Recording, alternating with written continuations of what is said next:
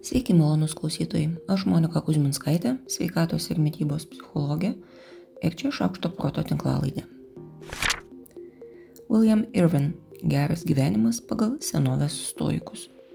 Knyga, kurią skaitydama linksiu galvą ne mažiau negu praėjusių dienų metalo koncertuose. Kas blogiausio gali nutikti? Ko negalite kontroliuoti ir ką galite? Kokios mintis kyla? Ar prisimenat, kad mintis irgi yra mąstymo produktas ir ji nebūtinai yra teisinga? Net tai nėra mano išradimas ir net ne kognityvinės elgesio terapijos. Kaip gerai jaustis, mes žinome ir mokomės jau, sakykime, senokai, kokius 2000 metų. Kalbu apie stoikus. Tai nėra nei nauja, nei vienintelė knyga apie šią filosofiją, bet tai puikiai ir šio laikinė apžvalga. Pasidalinsiu skyriais nieko daugiau nepasakodama.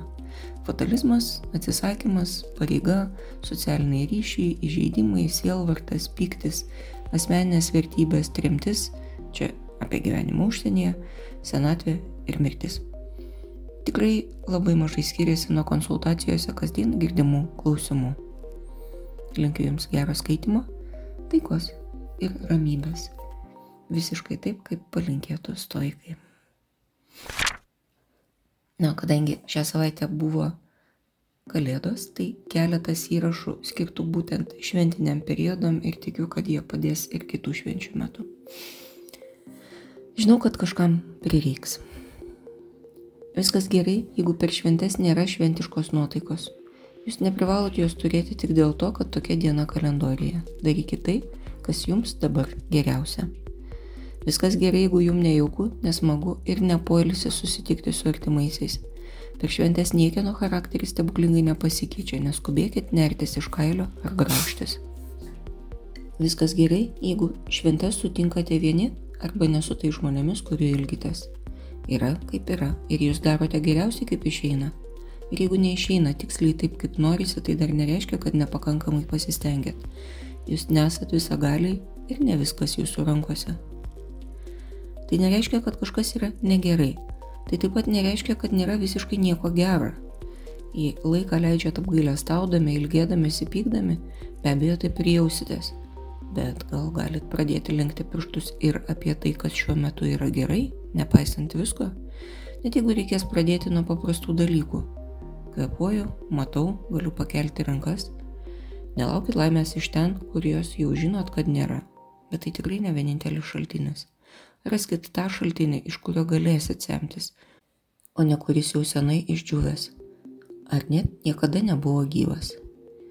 Viskas gerai, jums šio teksto nereikia. Tai nereiškia, kad nereikia kitiem, kad kiti nesistengia, ar kad kažkas su kitais negerai. Tegul. Tegul lieka tas stalas nenuvalytas. Tegul lieka tas piragas neparagautas. Tegul lieka tie šaukštai neištrūkti, tegul. Tegul kažkas lieka nepadėkojęs. Tegul kažkas neatsako jūsų sveikinimą. Tegul kažkas šypsosi tik tiek, kiek gaunasi, o ne tiek, kiek atrodo mandagu. Tegul.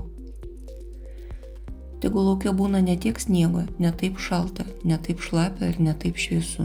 Tegul. Tegul būna erdvės mažam apkabinimui, šiltai šypsenai, minkštam apklotui ir popiečio miegui, jeigu taip norisi. Tegul būna ir prie žygio į mišką su žvarbimui ir kapsinčiai tylai, jeigu taip norisi. Tegul būna laiko visai dienai su filmais ar visiškai be ekranų. Tegul būna laisvės išgirsti savo norą ir duoti jam jėgų. Tegul.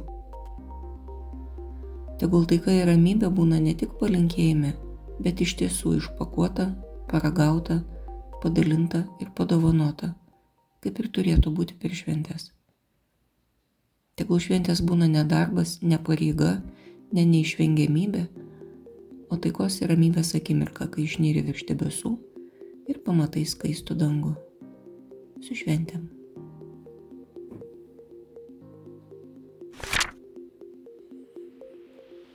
Jaukumo maistas kažkaip ir kitaip įdomiai šventiškai matyti sutapo kai visą dieną gaminai super sudėtingą Excelį ir darbo pabaigoje programa užstrigo sunaikindama neišsaugotą visos dienos darbą. Laukė lyja, įlipai į balą keuro batų, pasimatymas paskutinę minutę sugriuvo dėl lygos ir dar autobuse numintė kojas. Atrodo, kad diena nebegali būti blogesnė, norisi kuo greičiau namo užsikloti ir kakavos, ledų, bandelės su pienu, šilto troškinio, sriubytės. Visą tai, drįsiu dar sėki sukurti terminą, yra jaukumo maistas, angliškai prastai vadinamas comfort food. Dažnai tai yra saldus ar riebus maistas, arba labai susijęs su šviesiais vaikystės prisiminimais patiekalas, na, tokiu kaip mamos kotletukai. Wikipedijos straipsnis turi labai įdomų jaukumo patiekalų sąrašą iš įvairių šalių. Lietuvos ten nėra, na, bet gal tyrėjai galėtumėm susivienyti ir pridėti savo indėlį taip pat. Maistas nekalba, neapkabina, neišsprendžia problemų, stebuklingai nieko neišsprendžia šiaip jau bet daugybė žmonių vis tiek jos siekia ištikus mažesnį ar didesnį bėdai. Toks problemų sprendimo ar greičiau jų neįgymo būdas gali būti viena iš labai rimtų nutukimo priežasčių. Akimirkai ištinkanti gera savijauta atidėjus problemų sprendimą ilgainiui tarp, tampa refleksu. Tokiu pat kaip pas Pavlovo šunis. Už atidėliojimą žmogus save paskatina skanėstu. Nuolatinis stresas veikia organizme dviejopai - skatina valgyti daugiau jaukumo maisto ir skatina riebalų kaupimas į pilvo srityje. Todėl toks raminimosi būdas visada turės dviejopą efektą. Vyrai, ieškodami jaukumo maisto, dažniau renkasi suotų tirštą maistą, o moteris ir jaunesni žmonės - užkandžius ir saldumynus. Vyrai jaukumo maistą valgo tada, kai jaučiasi gerai, moteris, kai jaučiasi blogai. Nors taip pavalgius, moterų buvusi neigiama savijauta ir pagerėja, bet jį pakeičia sustiprėjęs kalties jausmas. Jaukumo maistas mažina patiriamą vienatvės jausmą, veikia kaip socialinis surogatas, įkūnyje siekiamą pojūtį, žmonės realiai patiria jaukumą. Todėl sultinys gaunasi yra iš tiesų naudingas sielai. Angliškai populiaru sakyti chicken soup for the soul pagal vieną garsę knygą. Na ką, tai linkiu, kad kai sekantį kartą į savo problemą žiūrėsite pro spurgos skylę, neužmirškit pakeliui tų problemų ir spręsti. Ir viskas bus tikrai gerai. Suvokimas yra įdomus dalykas ir labai vaisinga dirba įvairiom manipulacijom, tame tarpe be jokios abejonės ir naudingom. Pavyzdžiui, paklausius malonios teigiamos muzikos, arbata atrodo saldesnė negu paklausius neutralios, Jei arbatos pakelis nudažytas malonė teigiama spalva, arbata irgi atrodys saldesnė. Jei ir muzika, ir spalva veikia kartu ir yra vienodo modalumo, tai yra abi teigiamos arba abi neigiamos, tai arbata atrodo dar saldesnė. Na, čia matyt labai atsargiai reikėtų išsivinioti išvadą, kad vis tik emocijos intensyvumas, o ne vien pati emocija sustiprina suvokimą keletas pavyzdžių, kurie rodo, kad su suvokimu tikrai nėra viskas taip paprasta. Muzika su aukštais garsais yra labiau asocijuojama su saldumu ir rūkštumu, su žemais garsais asocijuojama su kartumu. Greita muzika - saldi, sunkiai ir stipri muzika siejama su intensyvesniu skoniu. Raudonas maistas suvokiamas kaip saldesnis, o baltas kaip suresnis.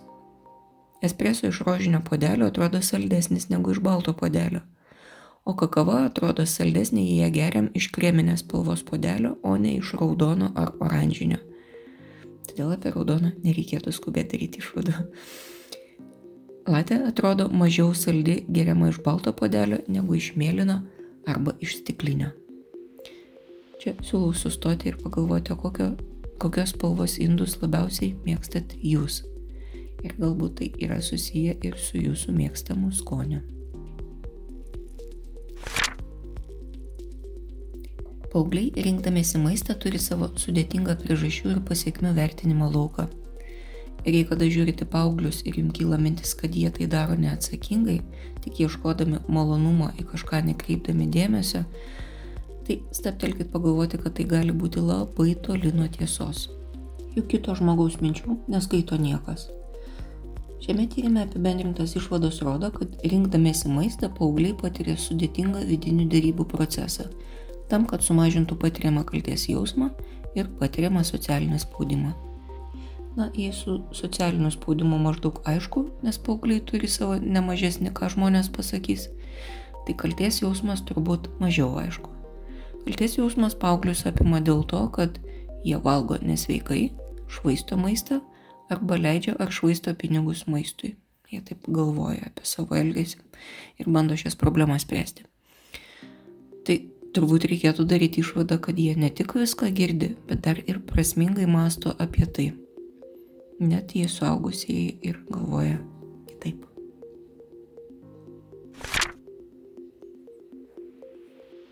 Na ką, neneiksime realybės. Šį savaitgalį daug žmonių imsis formuluoti ir skelbti, ir labiau skelbti, savo naujų metų tikslus. Ir iki maždaug trečios metų savaitės dauguma jų bus jau pamesti. Tai susivienykim ir nedarykim tų klaidų, kurios yra tikrai labai lengvai išvengiamas. Pirma, formuluokim tikslus konkrečiai Tegul mintis prasideda nuo daugiau sportuosiu, bet galutinė tikslo formuluotė turėtų būti tokia, kokią galite įsirašyti į savo kalendorių. Eisiu į sporto klubą linksmasis sporbatis antradieniais ir ketvirtadieniais pakeliu iš darbo į namus nuo 18 val. Beje, kalendorius tikrai labai padėtų. Turėkit ir naudokit kalendorių, popierinį ar elektroninį. Antra, formuluokim pasiekiamus tikslus. Nežadėkit savo nubėgti maratono, jeigu nenubėgat ir kilometro. Dalinkit tikslo siekimo veiklą etapais. Ir pirmas etapas jums turi būti toks pasiekiamas, kad beveik garantuotai vykdomas. Kai pasieksit, imkite didesnį tikslą, bet ir jis turi būti pasiekiamas. Jeigu nebėgiojat visai, išeikit pabėgioti 10 minučių ir tai bus reikšmingai daugiau negu daro dabar. Ir tai jau bus labai gerai.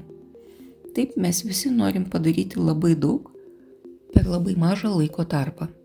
Bet toks pastangų pagreitinimas yra greičiausias būdas nužudyti savo tikslo siekimo veiklą. Trečia, žinokit, kodėl imatės šio konkretaus tikslo.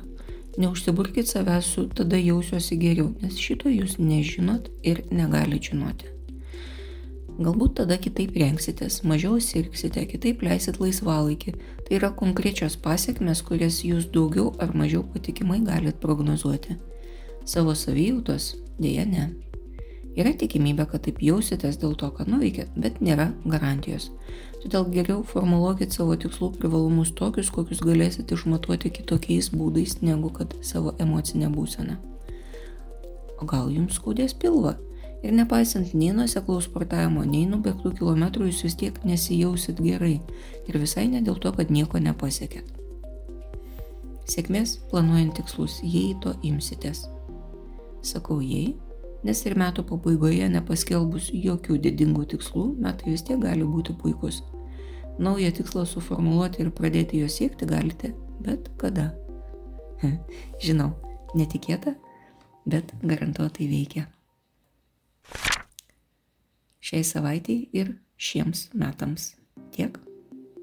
Aš Monika Kuzminskaitė, sveikatos ir mytybos psichologė padedu spręsti kasdienius ir sudėtingus elgesio, mąstymo ir emocijų klausimus. Rašau, skaitau paskaitas, teikiu psichologinės konsultacijas.